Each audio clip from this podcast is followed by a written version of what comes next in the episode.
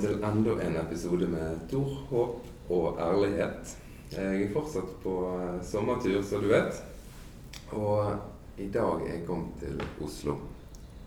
Og nå sitter jeg på et eh, grupperom på Teologisk fakultet for Blinder, sammen med Halvor Moxnes.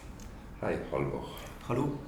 Takk for at jeg fikk lov å komme på besøk her veldig fint å få et sånt besøk på en vakker sommerdag og kunne snakke om noe som er viktig, selv om det er sommer. ja, og du skal på hyttetur etterpå? Ja. Øh, og øh, fordi at noe av det beste øh, ved den tiden som har vært med korona og sånt, er jo det å gå tur i marka. Ja. slik at jeg pleier å si at hvis jeg overlever dette, så kommer jeg sunnere ut av det. Fordi at jeg har gått så mange turer. Så nå blir det en ny tur. Og er det starten på ferie? Eh, det, det, blir liksom litt annerledes ferie i år, slik at uh, det blir spredt noen sånne turer som, som dette litt utover sommeren. Mm. Og, og, resten av tiden så er jeg i, uh, i Oslo. Det er flott når det er uh, fint vær. Mm. Så jeg veksler litt mellom skal vi si, ferieperioder og jobbeperioder. Ja. Men du er i gang igjen med nytt semester fra det fra slutten av, eh, av, august. Eh, jeg er jo nå eh, gått av som, som, professor i full stilling, men jeg skal ha undervisning til, til høsten for teologistudenter om Lukasevangeliet. Og så et samarbeid med en, en kollega som er ekspert på prekenlære, hvor vi også da skal arbeide med at studentene lager prekener over disse Lukas-tekstene. Oh, er, det, er, det, mulig å legge inn en mikrofon og knabbe? Nei, men, men, men, men, jeg har ett godt poeng som jeg sier til, til studentene når vi begynner på, på, dette. Det er ikke sånn at dere skal lage forkynnelse ut av fortellingen om Jesus. Evangeliene er forkynnelse. Ja. Men det er noe med hvordan kan det være en forkynnelse i dag? Fordi at situasjonen for tilhørerne er jo helt annerledes i dag enn den var da. Ja, og, og, og nå, nå, er jo du rett inne på det, så jeg håpet på at vi kunne begynne å snakke om For jeg, jeg er jo kommet her på det. Jeg har en turné. Jeg har ikke fortalt deg så mye om det, eh, for vi har jo Det er første gang vi møtes. Men jeg har en liten turné, reise, der jeg møter mennesker som har hatt en, en veldig tydelig tro.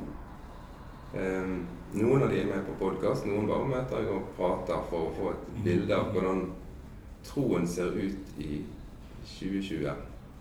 Og så når jeg uh, rett før jeg reiste, leste historien om Jesus, uh, boken din, så opplevde jeg en veldig åpen tanke om hvem Jesus er. Jeg ble, mhm. jeg ble litt glad ærlig litt annet hadde lyst til å lære mer. Um, kan jeg spørre deg det første Det er når du viser hvordan Jesus har endret seg gjennom tiden. Eller bildet av Jesus, blir mer riktig å si? Jeg tror at det er bedre å si at det er bildet, menneskets bilde av Jesus som har endret seg over, eh, over tid. Og det er fordi at man har møtt Jesus i nye situasjoner. Det er jo, ikke sant, det er jo situasjonene som avgjør hvilket bilde vi får av, uh, av en person. Men jeg er vant med å tenke at det ikke er lov å tenke sånn. For, for Gud er i går og i dag den samme. Ja, til evig tid. uh, jeg tror jeg vil sitere den franske filosofen Foucault. Det er mulig å tenke annerledes. Ja, ja. for, for Eh, for er det noe uh, som preger gudsbildet i Det gamle testamentet, er jo hvordan Gud forholder seg til israelsfolket i de forskjellige situasjonene som, uh, som de er i. Og, og da kan han av og til være en, en trøstende gud under eksilet i Babylon f.eks. Men han kan også være en, en hard og dømmende gud hvis folk vender seg bort fra ham. og og, og, og, dette er jo hvordan da skal vi si, forfatterne av Det gamle testamentet har forsøkt å forklare uh, hvordan Gud nettopp forholder seg. Og det står jo også hvordan Gud angret på syndfloden. ikke sant? Ja, ja, ja. Og, som da, og, og dette, er jo, dette er jo et fint bilde akkurat nå under pride-uken. eh, At Gud satte regnbuen i himmelen ikke sant? som et tegn på Guds trofasthet. Og at han ikke lenger, ikke noen gang seinere ville ødelegge menneskene. Hvordan tenker du i møte med en sånn tekst? Når det står helt sånn konkret Da sa Gud, da tenkte Gud at dette vil ikke jeg se på mer. Hva, hva tenker du i møte når du begynner å jobbe med en sånn tekst? Jeg, jeg tenker jo da at uh, dette er én måte å tenke om Gud på, hvor vi tenker om Gud som en person. Ja. Uh, og, og, og som en person som reagerer på det som, som skjer i forhold til ham, eller i forhold til, til, til menneskene. Og, vi kan si at det er en ganske enkel måte å tenke om eh, Gud på. Det er jo mange som vil ha skal vi si, mer filosofiske måter å tenke om Gud på. At Gud er grunnlaget for livet. Eh, det er den grunnen jeg bygger eh, på, og ikke bruke personbetegnelser. Jeg syns at det er noe bra med måten å tenke om Gud som person på, fordi at det gjør ham på en måte nærmere oss. Og, eh, og den måten Gud kommer nær oss aller mest på, er jo gjennom Jesus. Ikke sant? At, at ingen har noen gang sett Gud, men den enbårne sønnen har vist oss hvordan han er, hvem han er. Mm. Så øh, øh, Slik at det er øh, Det er på en måte fordelene med å tenke om Gud som person. Og så øh, merker vi jo da i Det gamle testamentet at da tenker man og snakker om Gud på, øh, på forskjellige øh, måter. Eh, så øh, øh, jeg vil jo si at et hovedtrekk ved å snakke om Gud som person, eh, er at han er til å stole på. Ja. Og, og det er bedre enn å si at han er uforanderlig.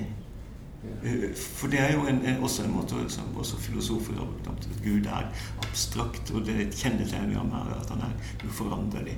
Men det syns jeg er en dårlig måte hvis vi tenker om Gud som, eh, som person, Mm. så vil det være veldig merkelig at, at Gud skulle være uforanderlig f.eks. i møte med menneskers lidelser.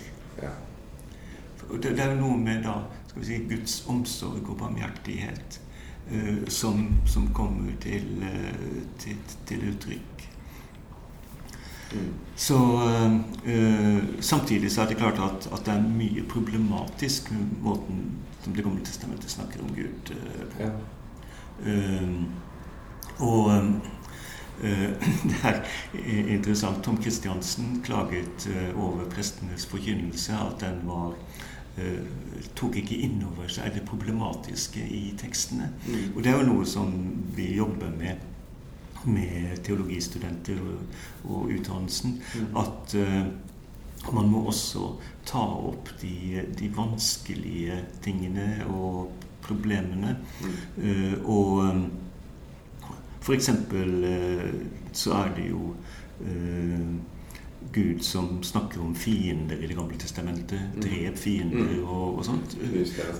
Ja, ikke sant? Mm. Og, og, og det er jo noe som vi Uansett om det er tillagt Gud, så må vi ta avstand fra det. Ja. Fordi at det stemmer ikke med hovedbildet av Gud, som har omsorg for mennesker. Dette blir en digresjon, men jeg klarer ikke å la være å nevne det. Sant? Gjennom arbeidet i Skeivt kristent nettverk, som jeg er med på, så møter jeg foreldre som har et bilde av Gud som denne strenge, som vil at de skal ofre. Og selv om, jeg, selv om det skjærer de i hjertet å ta avstand til sine barn For det er jo fullstendig imot Mm. naturens gang, så snakket jeg nettopp med en mor som, som følte at hun måtte det for at Gud skulle være fornøyd. Ja, det viktigste eksempelet på at, eh, at Gud eh, angrer og må angre, det er jo historien om Abraham som skulle ofre Isak. Ja. og, og, som altså da ble ført helt til kanten av stupet mm. før Gud grep inn med en engel. Mm. Og, det vil jeg kalle et eksempel på at, at, at Gud angrer. Og det, det er en Det er virkelig uh, livsfarlig. Uh, altså hvis hvis man står der og føler at man, man må ofre sitt barn mm. for Guds skyld. Mm. Det uh, og, og, det er jo nettopp dette at med Bibelen, som er en sånn mangfoldig bok, mm. så, så, må vi klare å, å finne fram til hva er det det viktigste og det sanneste om, om Gud. Mm. Fordi at her kommer også dette med, med Bibelen som en menneskelig bok eh, inn. Ja. Uh, at uh, at f.eks. Israel-folket opplevde jo mye konflikter med erobringer. og også når de selv erobret og drepte mm. fiender og, og, og sånn. Mm. Det det er noe av det der som vi er nødt til å ta avstand fra. For vi kan ikke hoppe inn i en situasjon hvor vi gjør som tyskerne under krigen. hadde belte hvor, eh, Soldatene hadde belte hvor det sto 'godt mitt ons'. Man, mm. man, kan ikke uh, holde på et sånt bilde av Gud, selv om det betyr at man må kritisere Bibelen. Da nevner jo du Bibelen som menneskeord. Men jeg opplever jo deg samtidig som en som tenker om Bibelen som noe mer enn en hvilken som helst roman. Ja. Den, den, den er jo eh, vitnesbyrd som er blitt til ut fra en historie med, med Gud. Mm. Og øh, den skal vi si, lutherske måten å, å, tenke om Bibelen som Guds ord på, det er jo dette at den er Guds ord i bruk. Slik at det er jo på en måte forkynnelsen og skal vi si den andaktsfulle bibellesningen eh, hvor eh, hvor Bibelen snakker til oss og overbeviser oss. Og det er på en måte ikke en ytre autoritet, men det er en indre autoritet gjennom det innholdet som den har. Ja. Hvis de skal leser Jesus-sitater, så hadde vel han ganske stor respekt for disse gamle skriftene? Ja. Øh, det, det hadde han. Matteusevangeliet er jo den som særlig tar opp, opp det. At det ikke er kommet for å oppheve loven, men for å oppfylle. Mm. Men samtidig mm. så er det da interessant at den måten han oppfylte det på, var jo å Skal vi si eh, gå ned til den innerste meningen med, eh, med, Guds vilje og det, det, det gamle testamentet. Mm. I disse utsagnene hvor det har hørt er sagt til det gamle, til de, eh, til de gamle at f.eks. du skal ikke slå i hjel. Men jeg sier dere Og så kommer da dette at eh, en ting er at det er klart du ikke skal slå andre mennesker i hjel, men du skal heller ikke ha onde tanker om andre mennesker. Ikke sant? Og, og, og det, det, er på en måte da å si at Hva er sentrum i Guds, Guds vilje? Uh, det er altså våre ikke bare gjerninger, men også tanker og, og ord. Eh, og det betyr at alle blir avkledd. Fordi at selv om du ikke har drept noen, så kan du allikevel ha såret mennesker. Du kan ha mm. skadet mennesker. Mm. ikke sant? Mm. Slik at, og, og i bunn og grunn så betyr det at vi alle står likt i forhold til Gud og i forhold til, til andre, andre mennesker. Og, og det oppfatter jeg som da eh, hvorfor Jesus sier at og, og stiller disse spørsmålene Hva er det første bud? At du skal elske din Gud og de neste som deg selv. Mm. Hvordan dette blir, eh, blir koblet. Og det er jo da årsaken til at vi sier dette budet er kriteriet. Du kan ikke komme, gå, komme med alle andre bud og forskrifter som var aktuelle for 3000 år siden, og si at dette er Guds ord på samme måte som dette du skal elske din Gud og din neste. Mm. Tror du eh, Tror du vi klarer å finne ut hvordan Jesus ville tenkt i dag? Hva som ville vært viktig for han i dag?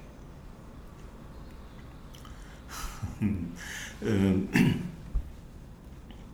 jeg, jeg, tror jo at uh, uh, den måten Jesus møtte mennesker på, var preget av den situasjonen som de, eh, de var i. Mm. Og f.eks. Markusevangeliet eh, forteller jo veldig mange historier om hvordan Jesus helbredet syke, drev ut demoner. Antagelig var jo dette Dette var jo et samfunn hvor det var veldig lite leger. Det var veldig lite hjelp å få mot, uh, mot sykdom, epidemier, uh, og, uh, og, og, opplevelsen av, av besettelse jo, har jo ofte vært hvordan møter man de konfliktene man opplever, og, og hvordan prøver man å komme ut av det. Så, så, jeg tror hvor Jesus ville ha vært i dag, det er å se på, på verden og hvor mennesker lider i dag. Okay. Jeg må ta en, en, ting som er litt sånn jeg har syntes vært vanskelig gjennom mange år i forhold til dette med Jesus. Jeg har hatt sånn følelse av at ja, Jesus han er en god fyr som det ikke er så lett å være sint på. Men at han har en far over seg som er ganske fæl.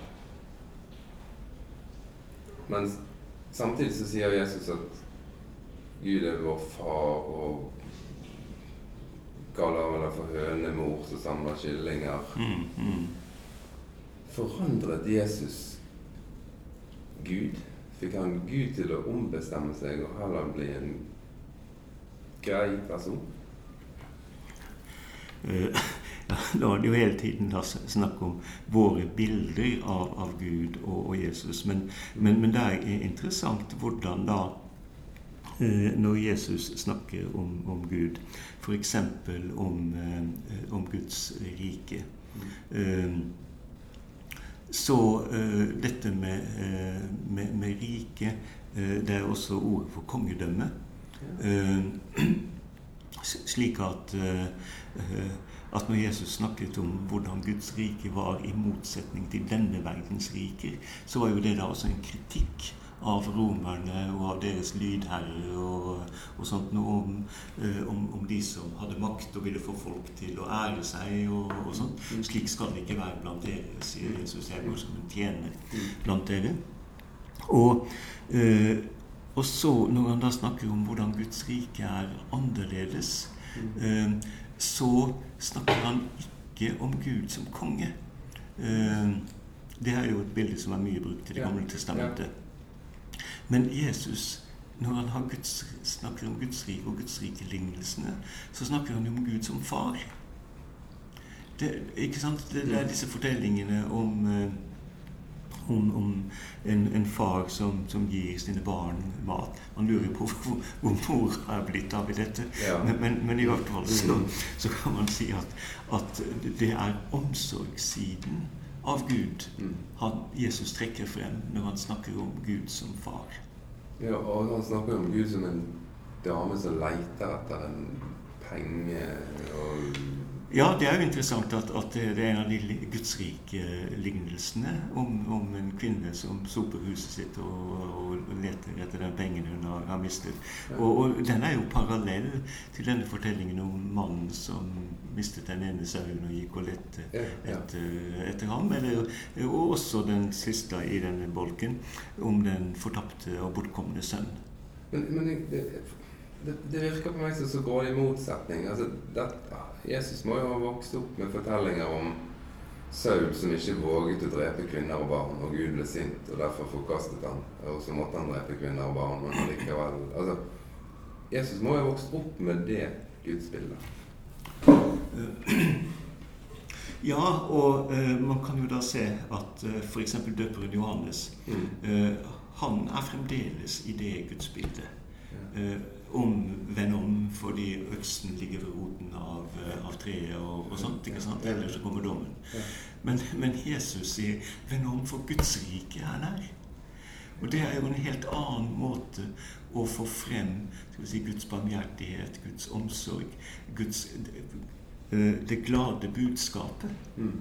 Uh, slik at uh, uh, at om, Jeg vet ikke om, om, jeg har noen historier om hvordan Jesus direkte kritiserer eh, et sånt dømmende gudsbilde. Men, eh, men, men, hovedsaken eh, hos ham eh, er et, et, et, gudsbilde preget av, av omsorg. Mm. Eh, så opplever jeg også at det er problematisk at han snakker om om, om dommen. Ja. Ikke sant? Ja, det, for det, det, det, det, gjør han eh, jo. Mm. Og, uh, og, og, det er klart at det er et eksempel på hvordan Jesus da er er preget av, av, sin samtid og, mm. og forestillinger. Samtidig som det da ikke er hovedtendensen. Altså, du kan ikke lage et Guds Jesu gudsbilde med hovedvekten på den siden. Nei, måten han var på, eller det beskrev i møte med folk og sånn, er jo veldig annerledes. Ja. Uh, og uh, jeg har forsøkt å, å tenke på, på, hvordan kan, kan vi snakke om, uh, om dom. Mm. fordi at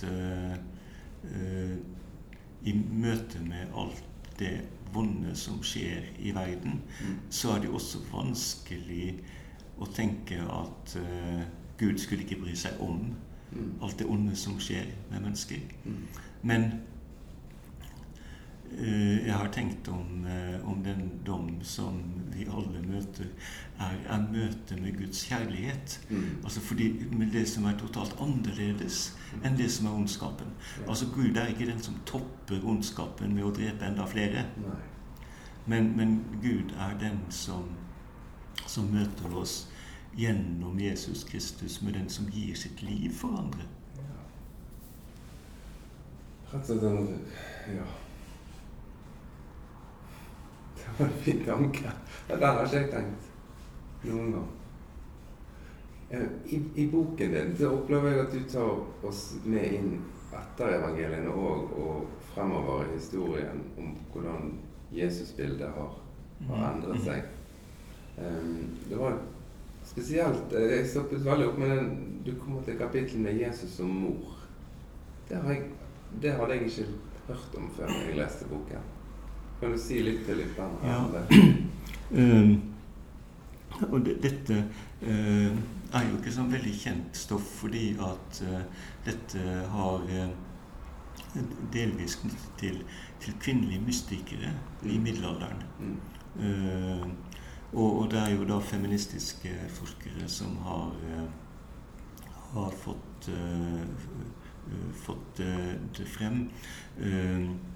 Og, og, og, det har jo da noe med Eh, Jesu kjærlighet å, å, å, gjøre. Hvordan kan man tenke seg bilder av, uh, av det?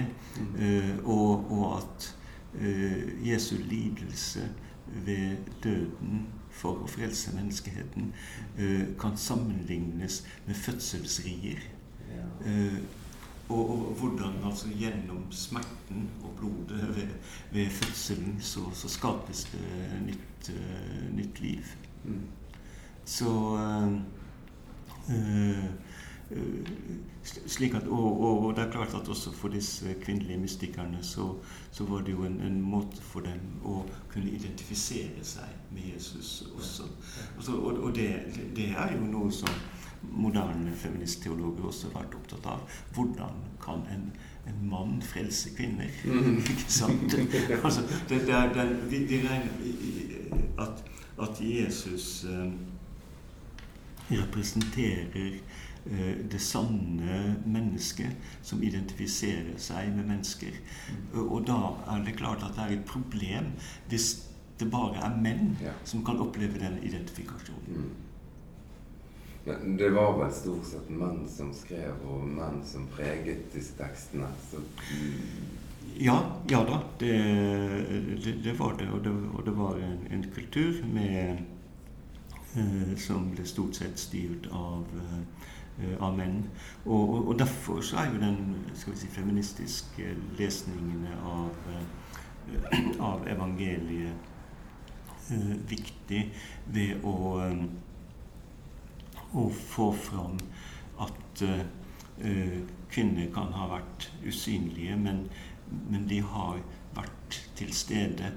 Uh, og, og, også løfte fram kvinneroller.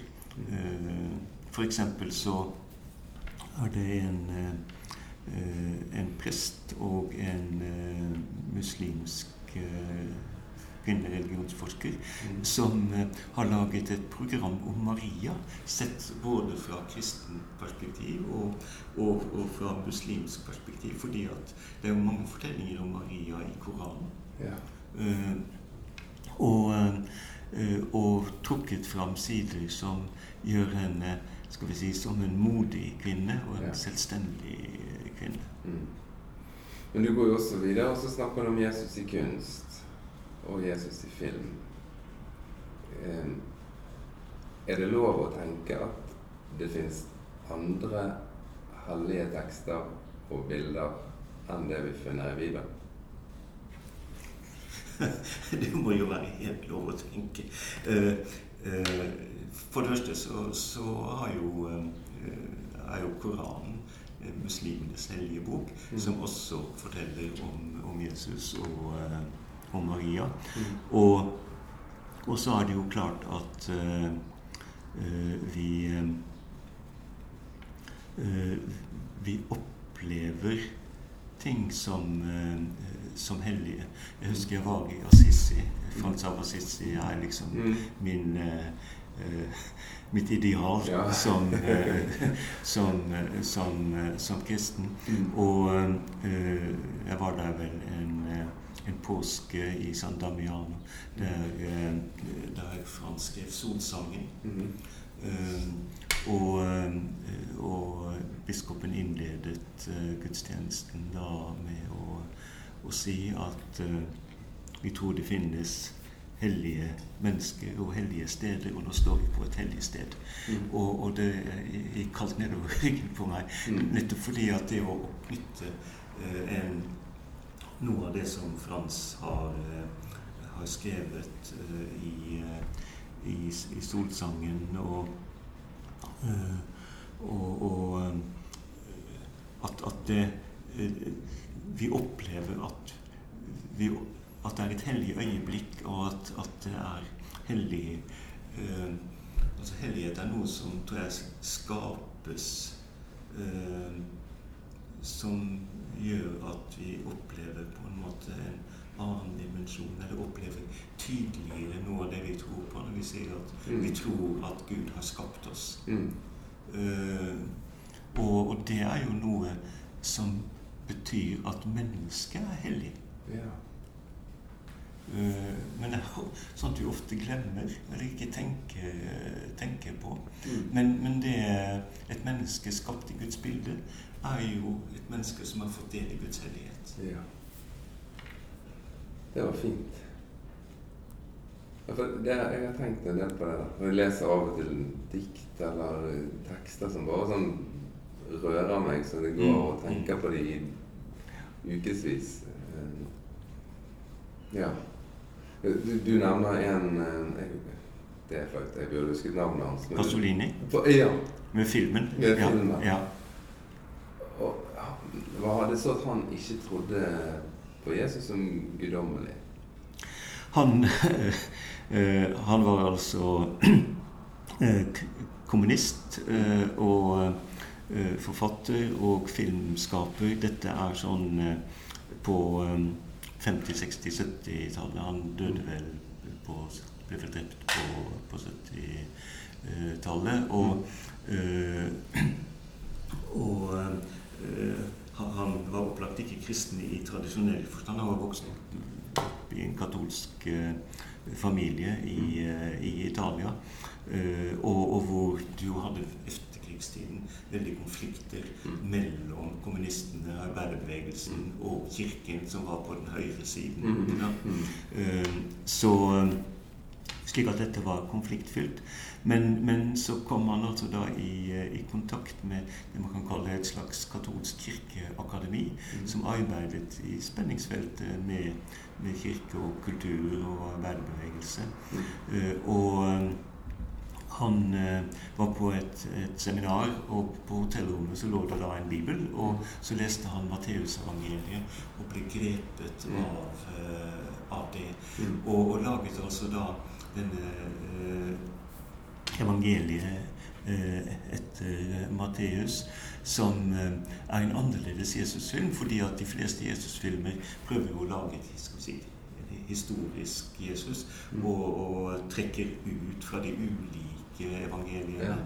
Eh, Mm. ja, Mm. men, mens eh, han eh, brukte simpelthen bare tekstene fra Matteusevangeliet. Mm. Og, og fordi han da også var eh, kommunist, så, så eh, leste han eh, så evangeliet som en protest mot undertrykkelsen av folket. Slik at eh, det er på en måte Han satt så likhetene mellom folk i Galilea på Jesu tid og fattige arbeidere og bønder i Sør-Italia på, på hans egen, egen tid. Mm. Så og, og, og det er også skal vi si, noe filmatisk eh, interessant hvordan han bygget den opp. Han hadde håpet å ta filmen, lage filmen i, eh, i, eh, i Israel, eh, i Galilea, men reiste dit og ble skuffet, eh, for det var ikke så Det var ikke slik han hadde tenkt seg det hele, hele land. Det sier vel alle. Ja, ja, ikke sant? Så eh, slik at derfor så filmet han det i en, en huleby, Matera, eh, nede i Sør-Italia, hvor folk fremdeles delvis bodde i huler. Ja. Eh, og eh, og han eh, De fleste eh, i hvert fall amerikanske Jesusfilmer Mm. Eh, de er jo Der er jo Jesus en lys, blond Mm, mm. Kunne vært en sånn Hollywood-stjerne, ikke sant? Mens Pasolini fant da fram en en, en ung spansk mann. Jeg vet, Han var student, jeg vet ikke om han var profesjonell skuespiller i det hele tatt. Men, men som hadde en sånn intens utstråling, og, eh, og, og som snakket direkte til folk, slik at f.eks. Bergpreken, utsnitt av den, Mm. eh, kom da i sånne sekvenser hvor, hvor vi ser denne eh, unge spanske Jesus-skikkelsen med et eh, dramatisk uttrykk snakket rett til oss som sitter og ser Ja, på, ja, filmen. ja. Eh, slik at uh, jeg mener at dette er liksom den sterkeste Jesus-filmen som er, er, er laget. Uh. Ja, for han sier noe sånn at Jesus sitt liv er så av en så annen dimensjon enn at, det, at livet i seg sjøl er nærmest guddommelig. Sier ikke han noe ja. Eh, eh, slik at eh, det, virket som om, om dette å lage den filmen liksom førte ham også inn i en slags identifikasjon med, med Jesus. Eh, og uh, det, det, kan nok også ha sammenheng med Han, han var jo da både som, som kommunist var han eh, var jo delvis eh, arrestert, satt i fengsel og opptatt vigleri. Og, og, så var han også homoseksuell, mm. og ikke stille med det. Mm. Eh, slik at han eh, hadde liksom veldig mange sånne stigma eh, på seg, som, mm. og eh, fengselsopphold og sånt. Eh, men i, i, den siste scenen, altså korsfestelsesscenen, der bryter han med det prinsippet at det bare skulle være Matteusevangeliet han ville bruke. Fordi at der tar han fra Johannes-evangeliet dette med Jesu mor ved korset. Det er bare Johannes-evangeliet. Mm, mm, mm. Og, og, der han, han, brukte jo dels folk fra uh, landsbyen og sånt, ikke profesjonelle skuespillere. Og der tok han sin mor under korset. Og, og det kan nok uh, liksom ha sammenheng med hans egen identifikasjon med Jesus på korset og månen. Dette sterke forholdet til, til månen som kommer til uttrykk der.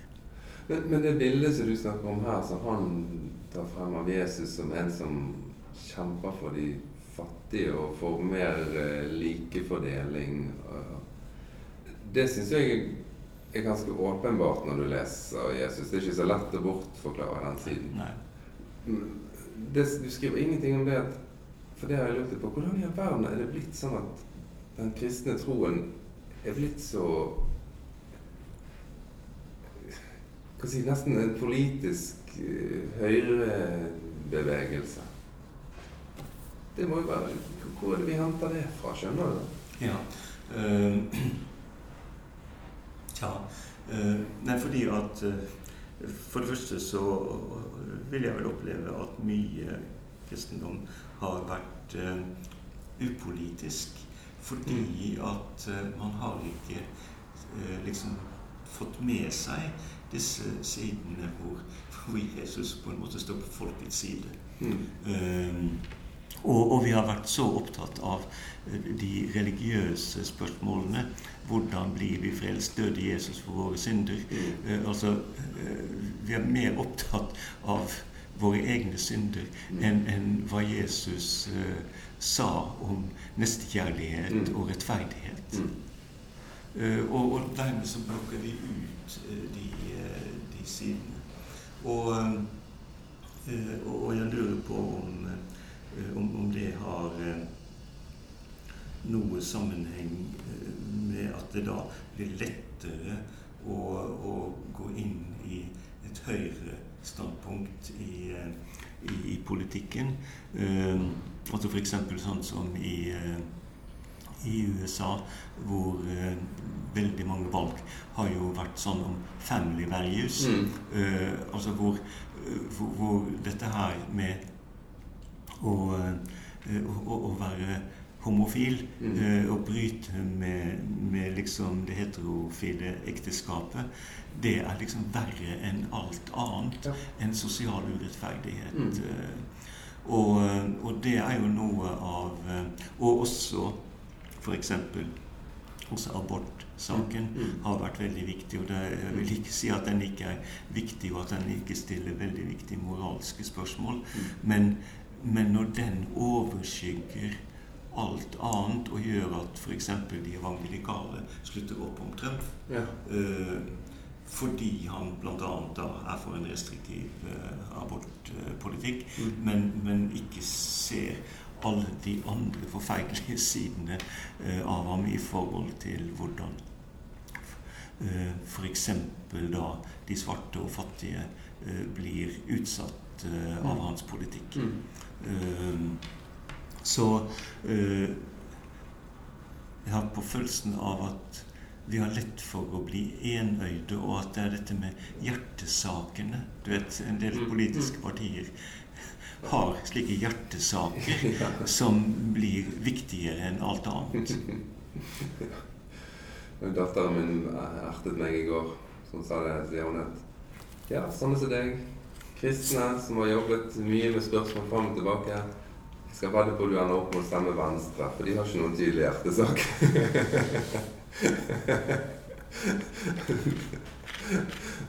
ja da, jeg svarte henne ikke. Jeg har sagt det er hemmelig valg i Norge. Men jeg syns det er veldig jeg har, Den koblingen klarer jeg ikke helt å forstå. For jeg syns Jesus virker så tydelig engasjert for de som er svake, utstøtt, de som mangler. Mens vi har, jeg har opplevd at det er blitt gjort en religion for de vellykkede, de som følger en norm av to mann, dame, tre barn. Altså, det, er våres, det er det Jesus er opptatt av i dag. Da. Men det klarer jeg ikke å tro at det er det han hadde brukt tiden sin på i dag. Nei da, og, og, og, så er det jo også noe med dette med, med, Kirken som ble statskirke, og som har vært det i, i, mange hundre eh, år, som eh, gjør at uh, forestillingen om at Gud og Jesus er på siden, eller er på samme side som de som styrer, mm. og deres autoritet. Eh, og at derfor lydighet mot øvrigheten mm. blir, blir, viktigere enn Jesu budskap. Ja. Tror du sånn helt oppriktig Dette blir bare synsing som du ikke blir stilt ansvarlig for. Men tror du det er mulig å se at eh, praten og samtalen om Jesus kan bli mer relevant for oss i 2030, 2040? Altså, hva ser du for deg? Ja, altså jeg, jeg tror jo at uh, At uh, uh, Jesus kan bli, bli, overraskende på nye måter. Og det var jo noe av det spennende med å jobbe med denne boken, historien om Jesus, som egentlig er Jesus gjennom historien. Mm. og og, og noe av det mest problematisk, eh, syns jeg, var hvordan eh, Jesus ble brukt til antisemittisme. Mm. Ut fra evangelienes fortellinger om, om skal vi si, de jødiske ledernes skyld i, Jesu død, og, og, og, hvordan det ble overført til at dette er jødenes skyld gjennom alle tider. Som jo er en forferdelig måte å, å tenke tenker på. Uh, og, uh, men hvordan vi da har forsøkt å ta et, et oppgjør med, med det, og at Pasolini er et, et form for, for et oppgjør, og, og også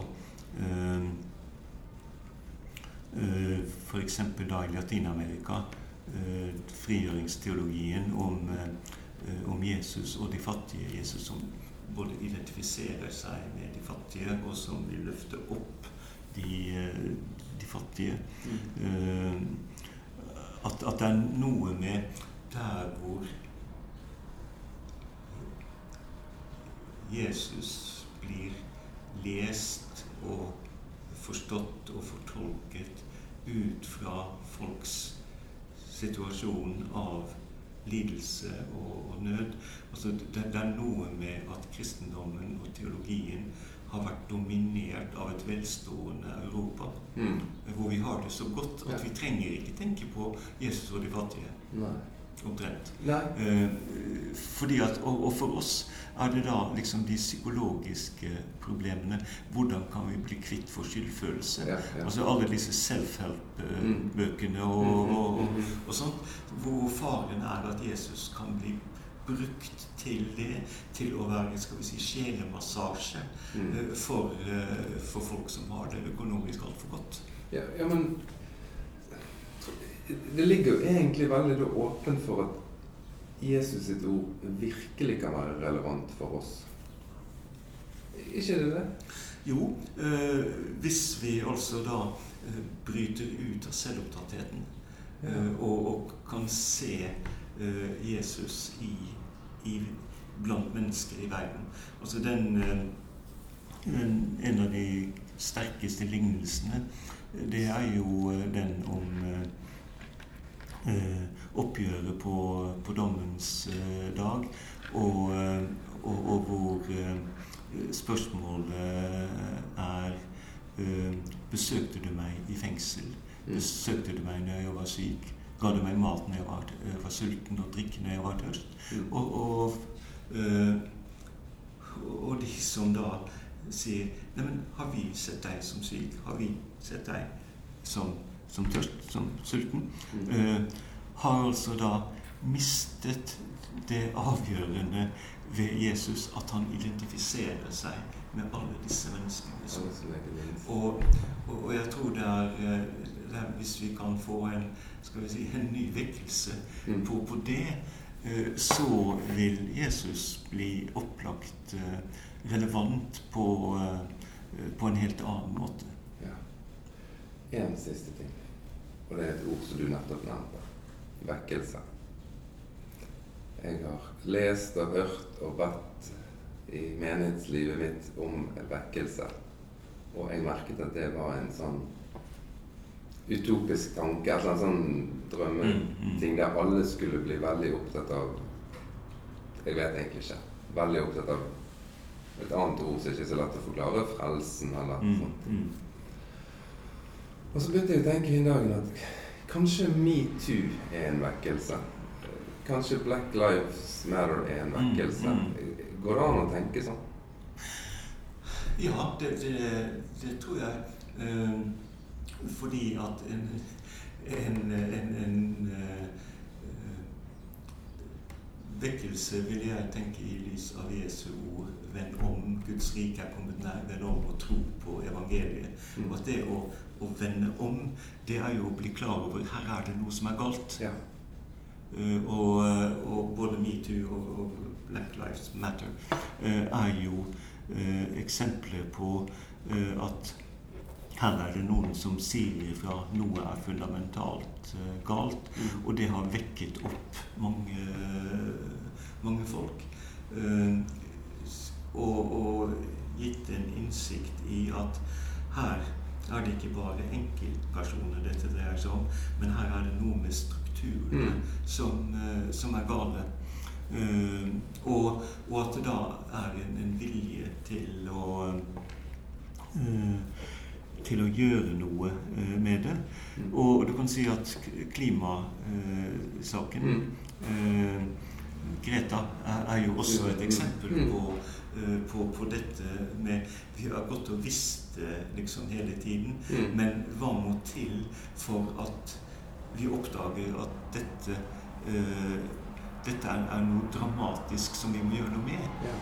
Jeg personlig, da, når jeg har lov å være personlig på min podkast, så, så, var jo, så var jo møtet mitt med mange skeive, altså homofile, lesbiske, mm. transpersoner det ble jo en personlig vekkelse.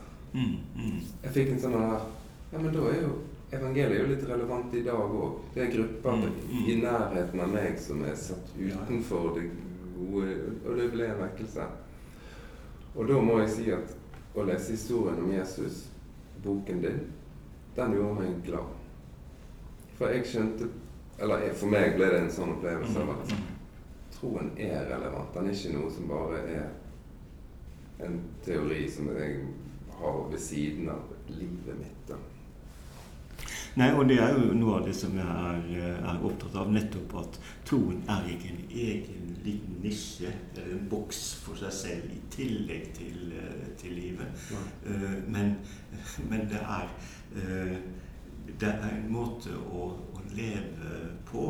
Mm. Uh, og at eh, altså e- Evangeliene er jo en fortelling om Jesus midt i livet mm. uh, i Palestina i, i sin eh, tid. Mm. Og det avgjørende nå er jo å se at Jesus er midt i, i livet nå også. I, og at da nettopp disse metoo, mm. Black Life Matters, klimakrisen, skeive det er jo selv skeiv, slik at jeg mm-hmm. engasjert av, av, av, av dette. Um, og uh, jeg kan nevne at uh, for 38 år siden så preket jeg på den første Pride-gudstjenesten i Norge. Uh, for det var uh, i Sagene kirke. Vi feiret det med en sånn rosa konsert her forleden. Uh, og, og, det var jo veldig vanskelig da for mm. Åpen kirkegruppe, som var den gruppen som arrangerte disse gudstjenestene, mm. å få, få til å, lov til å bruke en kirke. Og, og, og biskopen var jo selvfølgelig veldig imot det. og og sånt, Men så var det da en, en modig Eh, kapellan mm. eh, som eh, sa 'jeg arrangerer gudstjeneste, det kan mm. ingen nekte meg'. Mm. Og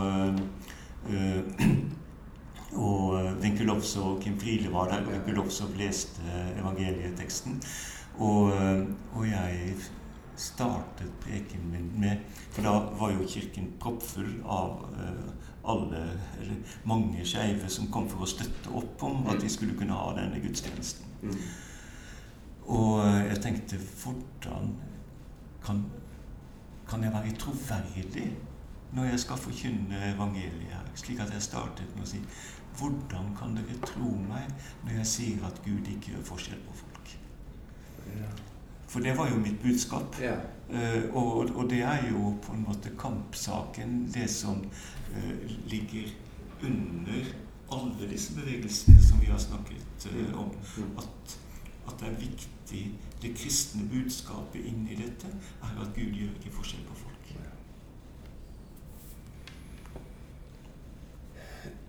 Ja, nå har jeg sagt flere ganger at dette er siste ting, men deg. og jeg skal ikke men eh, vi, vi må prøve å gå, gå, gå for en landingsplan. Jeg tenker mye på Bibelens eh, situasjon og bruk. da. For jeg har begynt å se gjennom noen år nå for min del at jeg trengte egentlig ganske mye hjelp til å lese denne Bibelen. Mm. Jeg har alltid lest. Men jeg har skjønt at jeg har lest den da med noen briller som sier at det er en sint mann litt oppe i himmelen mm. som har skrevet dette. Altså, ikke skrevet det fysisk, men det er på en måte, dette må jeg bare lese og forholde meg til. Og så kjenner jeg at det, det fungerer ikke i livet. sant? Det fungerer ikke i livet mitt å forholde meg til en gud som ville at kong Saul skulle drepe alle kvinner og barn, og ble sint for at han ikke gjorde det. Jeg, det klarer jeg ikke. sant? Hvordan kan vi få til at å gjøre hjelpe folk til å lese Bibelen? Uh, jeg, jeg, jeg, tror vi må Hvis vi tenker om, om, Jesus, så det vi tror om Jesus, er at han var sant menneske og sann Gud. Og at dette det guddommelige kommer til uttrykk gjennom det, det, det, det menneskelige. Mm. Og Bibelen er da eh, skal vi si både eh, et budskap om og fra Gud, men samtidig i en veldig menneskelig skikkelse. Og hvis vi ikke liksom aksepterer eh, at det, denne menneskelige skikkelsen må vi kunne kritisere, mm. så, så, blir vi sittende igjen med den der forestillingen om at her er et, en ufeilbarlig bok mm. uh, som helt åpenbart er feilbarlig. Mm. Eller tar feil. Mm. Eh, eller er grusom. Uh, og at uh, vi, vi, må på en måte akseptere Ok, denne, denne boken er slik. Skal vi kunne leve med den, så tror jeg da at Luther hadde et, et, godt ord når han skulle snakke om hvilke bøker burde være med i Det nye testamentet. I en, det som driver Kristus. Mm.